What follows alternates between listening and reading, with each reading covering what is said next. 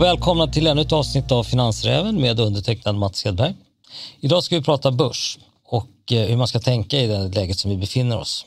Vi har en regelbunden gäst här, Magnus Angenfeldt, en av de mest erfarna i, på svensk aktiemarknad. Välkommen! Tack så mycket. Låt oss gå rakt på sak. Hur ser du på aktiemarknaden idag? Ja, vi driver ju en neutral hedgefond så att det huvudsakliga intresset är inte hur börsen går utan vilka aktier man ska ha på kort och långsidan. Men, men det är ofrånkomligt att man vill kika lite och, och skaffa sig en, en uppfattning om, om, om, riktningen också. Om man lägger ihop vad som händer just nu så i, i, i min bok så är faktiskt det, det, det negativa dominerar. Okej, okay. vad är det mest negativa? Det mest negativa är nog att vi fortfarande inte har sett Eh, några nedrevideringar på vinstprognoserna. Eh, om man tittar på konsensusprognoserna såväl i Sverige som utomlands så visar de att de ska gå upp både i år, nästa år och 2024. Och det kommer de nog inte att göra.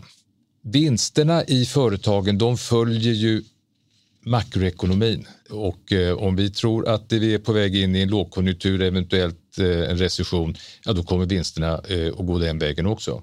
Och makroekonomin består till stor del av hur den privata konsumtionen utvecklas. I Sverige står den för 50 procent, i USA 75-80 procent. Är det högre räntor som driver ner det här? Om man tittar på makroekonomin så är det ju de högre räntorna som gör att privatkonsumtionen blir mer begränsad nu eh, jämfört med historien och, och, som du säger, privatkonsumtionen har en väldigt stor påverkan på, på BNP. Eh, det finns olika beräkningar på hur många tusen ett normalhushåll kommer att bli fattigare under andra halvåret och nästa år jämfört med, med tidigare och det är klart det, det, det kommer att slå på eh, konsumtionen och, och efterfrågan och i, i, i sen slutändan vinsterna för företagen. Det är ofrånkomligt. Nu kommer vi egentligen lite längre in än vad jag hade tänkt att vi skulle komma redan nu i resonemangen, men, men vi kör. Okej, okay privatkonsumtionen börjar tappa. Säg att den går ner 10 procent, allt annat lika i Sverige 5 procent på BNP och 7-8 i USA. I en sån miljö kommer centralbankerna höja så mycket som man tror. Eller kan det vara liksom en, en, någonting som får det här att eventuellt vända lite tidigare? Jag, jag, tittade på en sammanställning igår. Det finns en investmentbank som heter Bofa som gör en månatlig eh, mätning av olika parametrar och den senaste mätningen hade de en fråga som, som löd vad kommer centralbankerna eh, att titta mest på när det gäller ränteutvecklingen och högst upp stod faktiskt inflationen. Ja, det är ju deras jobb. Problemet med den här inflationen är ju att de kan höja räntan hur mycket som helst som det ser ut just nu. Det kommer inte att få ner de priserna som har stigit. Men man vill ju inte att det här ska spridas till lönebildningen. Men frågan är vad kommer man att behöva välja mellan? I, I, USA har man ju delat mått, det är både tillväxt och inflation. I Sverige är det primärt inflationen, men det är ju inte en helt enkel situation. Nej, vi har inte stått inför den här situationen tidigare. Den är unik för, för alla som befinner sig på den här eh, marknaden. Vi har en skuldsättning, vi har en inflation, vi har krig eh, etc. Och, och, och, merparten av alla aktörerna, jag tror att till exempel, eh, jag såg någon sammanställning att, att det är bara 30 procent av de anställda på Goldman Sachs som var med om finanskrisen 08-09 och då förstår man liksom vilken avgrundsdjup det finns i, i kunskapen om hur en, en recession och lågkonjunktur faktiskt påverkar. Vi har ju haft eh, fallande räntor i, i princip i 30 år. Så det här är ju eh, eh, nytt för, för absolut den stora mer, flertalet som är på, på marknaden just nu.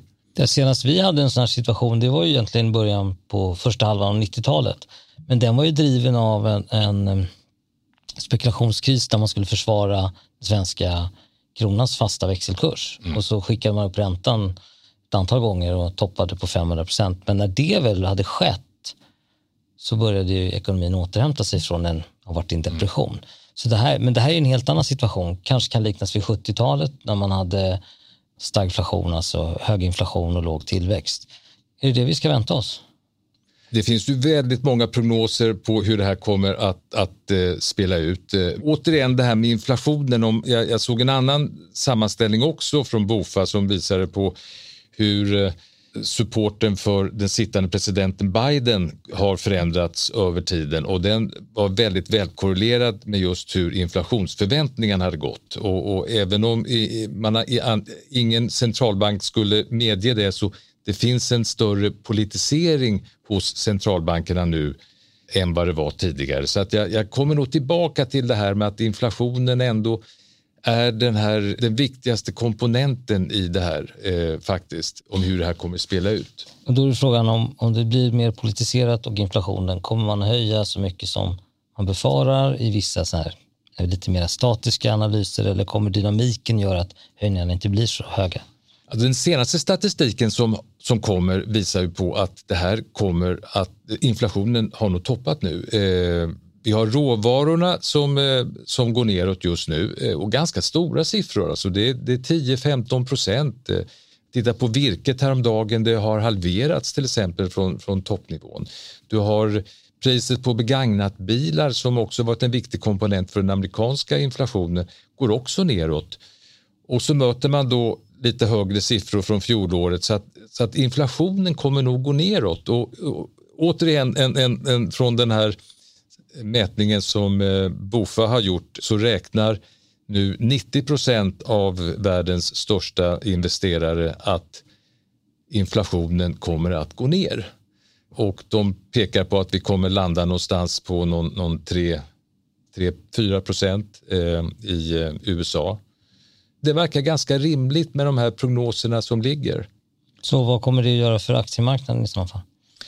Ja, det kommer ju innebära att eh, räntan kanske inte riktigt går upp så högt som, som man har befarat. Men däremot så kommer man ju inte undan vinstrevideringarna.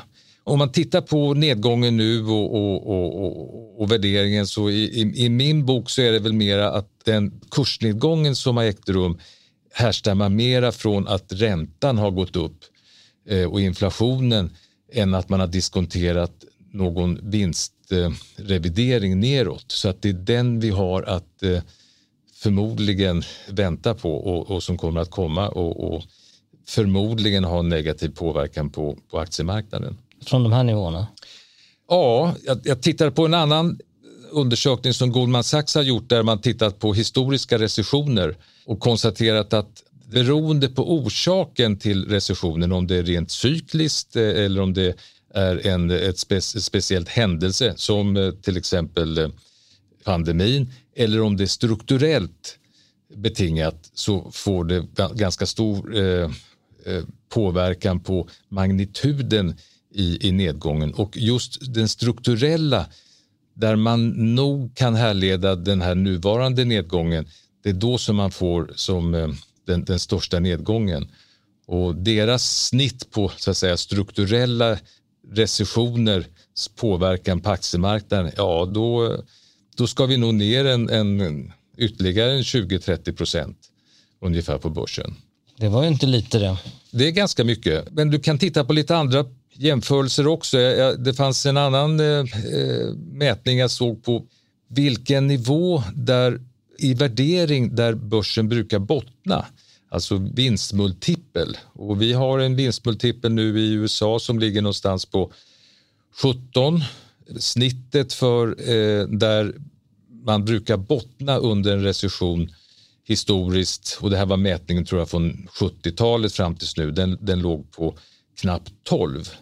Så även där så har du en ganska eh, stor fallhöjd från den nuvarande nivån. Och då kan man ju också konstatera att, att det P-talet vi mäter här och nu, där är inte vinstprognoserna justerade och nedreviderade utan de lever fortfarande i att vinsterna kommer att gå upp, vilket man kan resa ett frågetecken kring. Du nämnde struktur, strukturella förändringar. Vi har haft två stycken stora smällar. Först har vi coronan. Då fick vi första vändan med att vi har haft problem med försörjningslinjer, eh, allt från transporter till råvaror, insatsvaror och så vidare. Och sen så åker vi på Ukraina-kriget efter i stort sett slag i slag och då får vi ytterligare problem med försörjningslinjer, strukturer, vi får brister på massor med råvaror. Och vad det egentligen gör, det bryter ju liksom ett decennier av, av globalisering, specialisering för att man kan inte liksom eh, förvänta sig att den här obegränsade just-in-time-produktionen ska bara kunna fungera. Jag hörde till exempel nyligen att i vinbranschen jättestora problem att få tag på glasflaskor. Så den här omstruktureringen kommer ju, om den kommer fortgå så står vi inför stora förändringar. Har du någon tankar där? Nej, inte, inte mer än vad, vad du säger. Jag, jag, håller med dig. Sen finns det också en annan parameter i det här som vi inte talat om heller, men som ligger i, i, på den negativa, i negativa bokskålen och det är åtstramningarna. Vi har ju gått från en... Eh, i generellt sett så har de, de största centralbankerna ökat på sina balansräkningar från ungefär 75 procent av, av eh, BNP upp till en bit över 100. Och de ska nu gå neråt. Och, och jag tittar på en, en, sammanställning från BIS, det är alltså bankernas samarbetsorgan för settlement och, och, de hade gjort ett estimat om att om man nu ska komma tillbaka till, till utgångsläget 2015 där balansräkningarna för centralbankerna svarade för ungefär 75 procent av BNP så kommer den här åtstramningen att hålla på i ungefär åtta år fram till 2030. De senaste åren så har vi faktiskt lärt oss att den bästa ledstången för börsen har varit att titta på stimulanserna från centralbanken. Eh, index och eh, balansräkningarna från centralbanken eller ökningarna i dem det har varit eh, otroligt väl korrelerat och nu vänder det här. Men om du får rätt i din bedömning att kurserna ska ner kanske 30 procent till, kommer centralbankerna verkligen att verkställa det här då? Det vet man ju inte. Eh, de, som sagt, vi pratar om det här med att de är, är kanske lite närmare knutna politiken nu än vad de var en gång i tiden. I alla sådana här prognoser så, så, och dessutom alla så att säga, makroekonomiska kassandror predikar är ju att de tar ju inte hänsyn till att det faktiskt finns en, en, en viss pragmatism också hos centralbanken. centralbankerna. Att de rör sig och, och förändrar sig i en annan utsträckning än vad man gjorde tidigare. Så att det kan säkerligen eh, bli någon manöver som, som lindrar det här.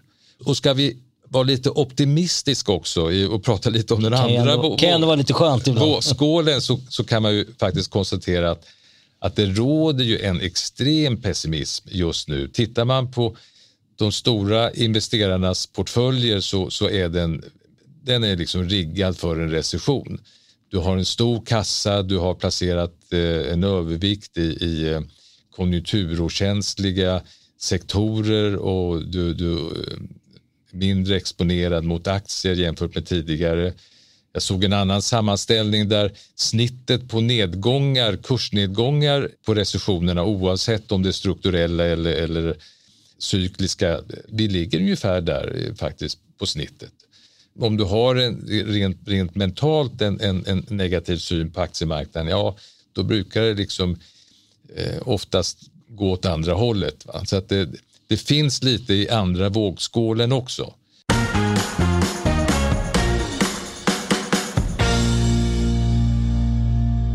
Du pratar om att gömma sig lite grann. Vad, vad ska man gömma sig i för sektorer? De flesta kikar ju på 70-talets eh, vinnande sektorer. Det var ju eh, energi framför allt, men, men även fastigheter och råvaror. Jag har personligen lite svårt och, och se att råvaror ska vara den här eh, den heliga graalen, för den, det bygger ju ändå på att det är efterfrågan som styr. Efterfrågan kommer ju rimligtvis att gå ner. Om vi 70-talet det var ju en, en epok då vi det var en enorm ökning av privatkonsumtionen. Alla skulle ha diskmaskiner och tvättmaskiner och allt sånt där som drog upp råvarorna. Nu är vi inte riktigt i den situationen. Jag har svårt att se att råvaror ska vara den heliga graalen under den här nedgången. Sen har vi energi, olja. Olja har, har, har tiofaldigats eh, på ett och ett halvt år. Ehm, det finns de som tror att det här kan gå till 130, 150 och, och, och mer än så dollar fatet. Men terminspriserna är ju samtidigt pekar ju på att vi vi kommer ha ett, ett oljepris på någonstans eh, 50 dollar per fat om några år. Nästa år indikerar terminspriset 90 dollar så att det går ner. Och vi gör enorma investeringar i förnyelsebara energier. Eh, jag tror Biden eh, tillåter i princip all prospektering som kan komma upp i USA. Allt för att reducera oljepriset och på så sätt göra Ryssland eh, mera känsligt. Fastigheter nämnde jag.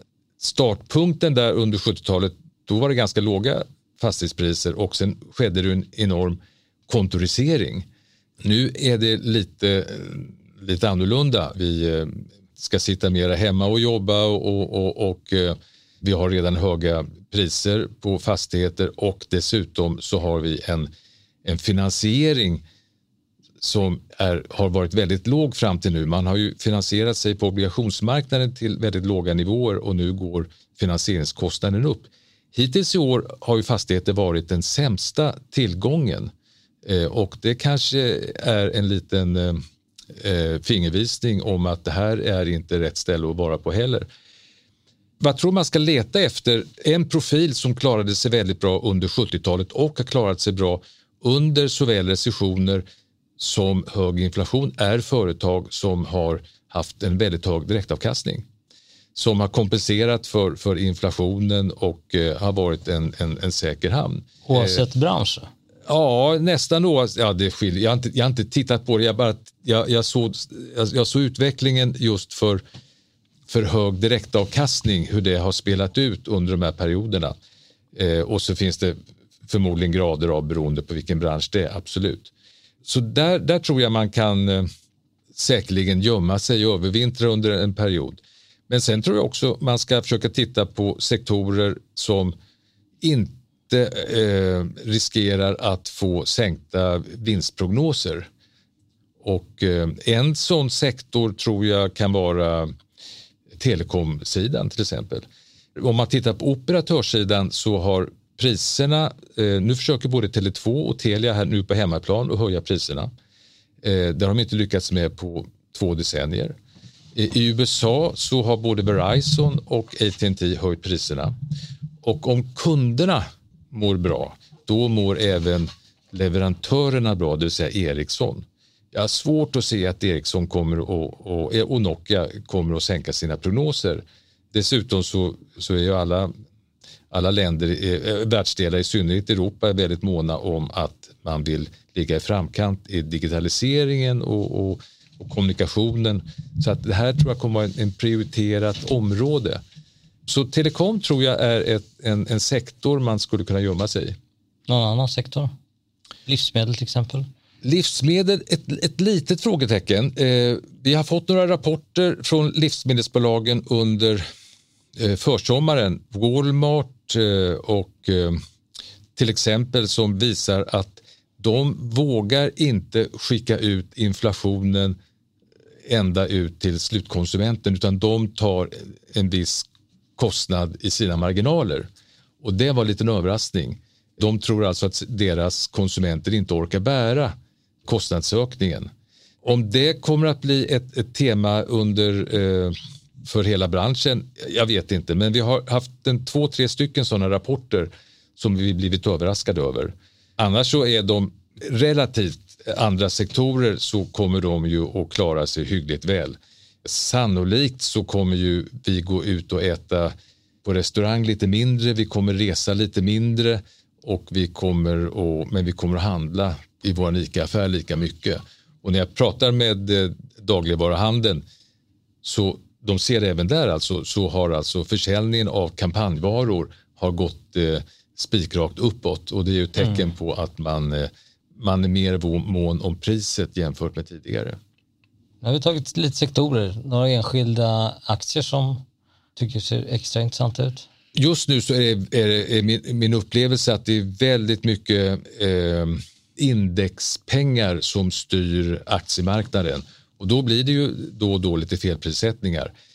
Man har sålt väldigt mycket konsumentrelaterat och eh, här och var kan jag tycka att man har sålt på lite för mycket. En av våra största positioner i fonden är till exempel Byggmax. De har en direktavkastning på 8 procent.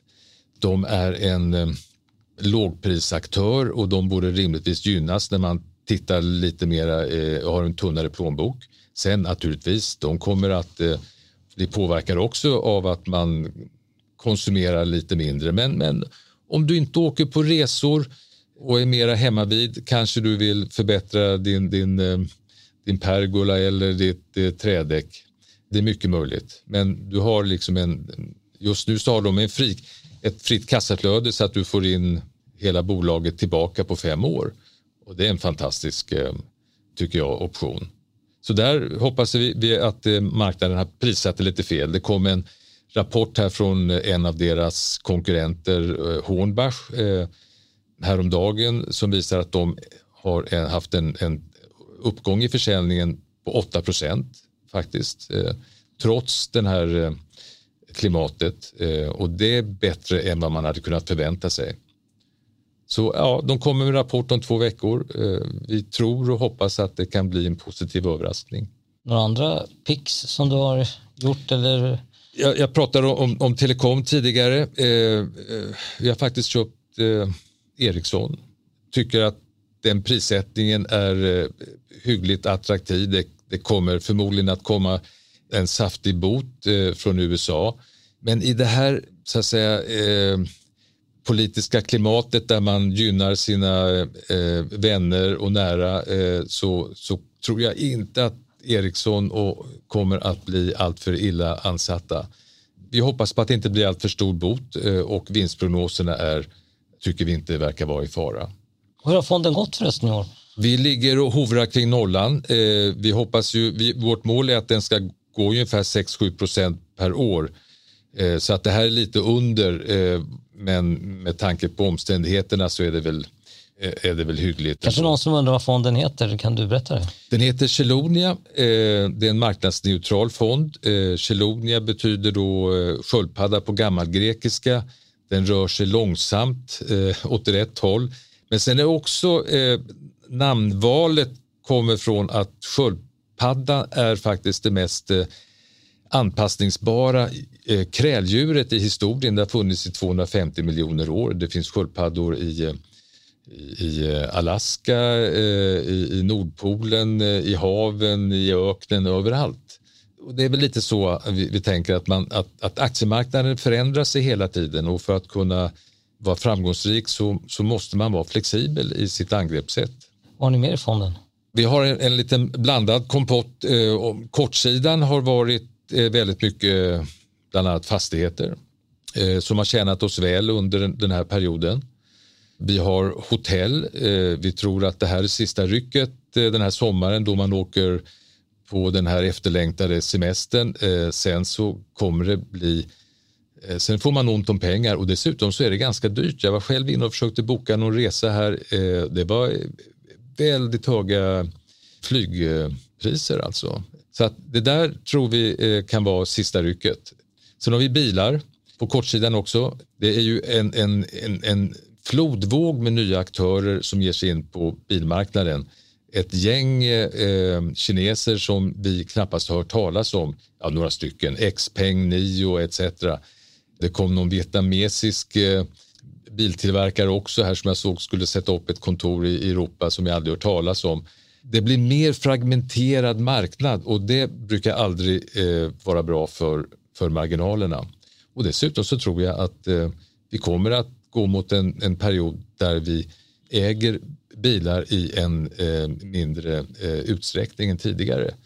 Du kanske är med i en bilpool istället och man säger att en bilpool, en bil i en bilpool motsvarar ungefär åtta stycken bilar som eh, förr i tiden. Så att eh, vi tycker att bilar som, som bransch är en sektor som man ska akta sig för att investera. De är inte speciellt högt värderade, eh, det ska sägas, och de, är inte, de har ganska bra balansräkningar också. Men efterfrågesidan är ett stort frågetecken och marginalerna. Det var din kortsida, har du mer på långsidan? Ja, långsidan, eh, som sagt, vi, vi, pratade om Ericsson, vi pratade om Byggmax, vi har några eh, stycken till eh, favoriter där. Eh, vi har eh, till exempel Dustin eh, som vi tycker är en låg värderad eh, datoråterförsäljare. Man tror att, i alla fall marknaden, att de kommer att ha ett, ett väldigt svagt resultat och framtid. Jag, jag tror att man glömmer bort lite att de, en, en, stor del av deras eh, omsättning kommer faktiskt från offentliga sektorn.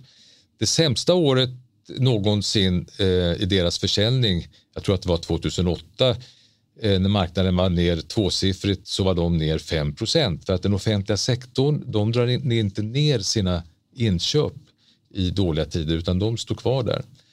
Sen har de en attraktiv affärsmodell med att sälja över nätet. Lövtunna bruttomarginalerna ligger på 13-14 procent. Det är inte speciellt lätt att komma in där och konkurrera. Men det är ett lågt värderat bolag med en, eh, en bra framtid framför sig, tycker vi. Eh, en annan eh, favorit eh, har vi är New Wave. Den har du varit trogen länge va? Vi var inne alldeles för tidigt, det har tagit ett tag, men nu har de levererat med besked. De gynnas ju på ett intressant sätt av så att säga, konkurrenternas val att vilja sälja direkt till kunder.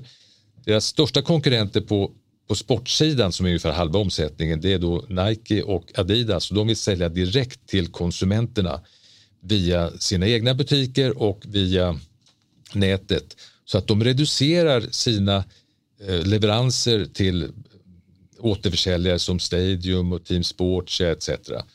Och då står New Wave där med sitt eh, varumärke Craft bland annat eh, och eh, kan dra fördel av det här. Så att utan att de har gjort någonting så, så får de en, en extra skjuts. De har redan lever, nämnt att äh, deras införsäljning för tredje kvartalet, höstkollektionen för, för Craft är upp 35 procent. Och det är väldigt bra. Jämför det med Nike som kom med en rapport i förrgår. De hade nolltillväxt.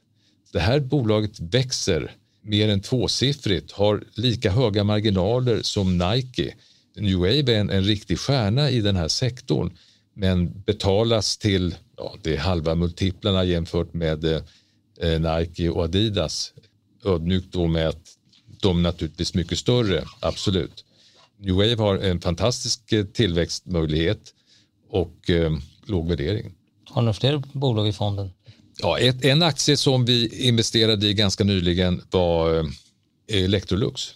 Kursen har halverats eh, och eh, de har åkt ner på samma premisser som alla konsumentberoende företag har gjort. Om din diskmaskin går sönder så måste du ha en ny. Du väntar inte ett halvår och står och diskar för hand. Du måste ha din tvättmaskin också. Så jag, jag, ser inte samma risk i det här som eh, i en del andra mer konsumentrelaterade eh, sektorer. Och de har en låg värdering, hög direktavkastning. Den känns ganska ofarlig i det här klimatet. Jag tycker vi har täckt det här ganska bra nu. Hur kommer börsen ha gått när vi, eh, när vi kommer till helåret? Jag tror att den, den kommer att vara lite lägre. Jag hoppas jag har fel. Men eh, jag tycker att det mesta tyder på det. Den stora osäkerhetsvariabeln är hur centralbankerna kommer att agera tycker jag. Det är de som, som sitter med knappen för åtstramningen, det är de som sitter med knappen för, för räntehöjningar. Eh, de kan hitta på någonting som gör att det här inte blir lika allvarligt. Och man ska också ha i åtanke att inflationssiffrorna kommer att gå ner också. Och det kommer att tas emot positivt. Men, men eh, som sagt, vinstprognoserna, där kommer vi se en skalpning och det kommer göra ont och det kommer börja nu redan i halvårsskiftet. Mm, så håll i hatten. Men vi önskar dig oavsett eh, vinstprognosernas skalpning en eh, trevlig sommar. Tack så mycket för det. Tack, tack för att tack. ni ville ha mig här.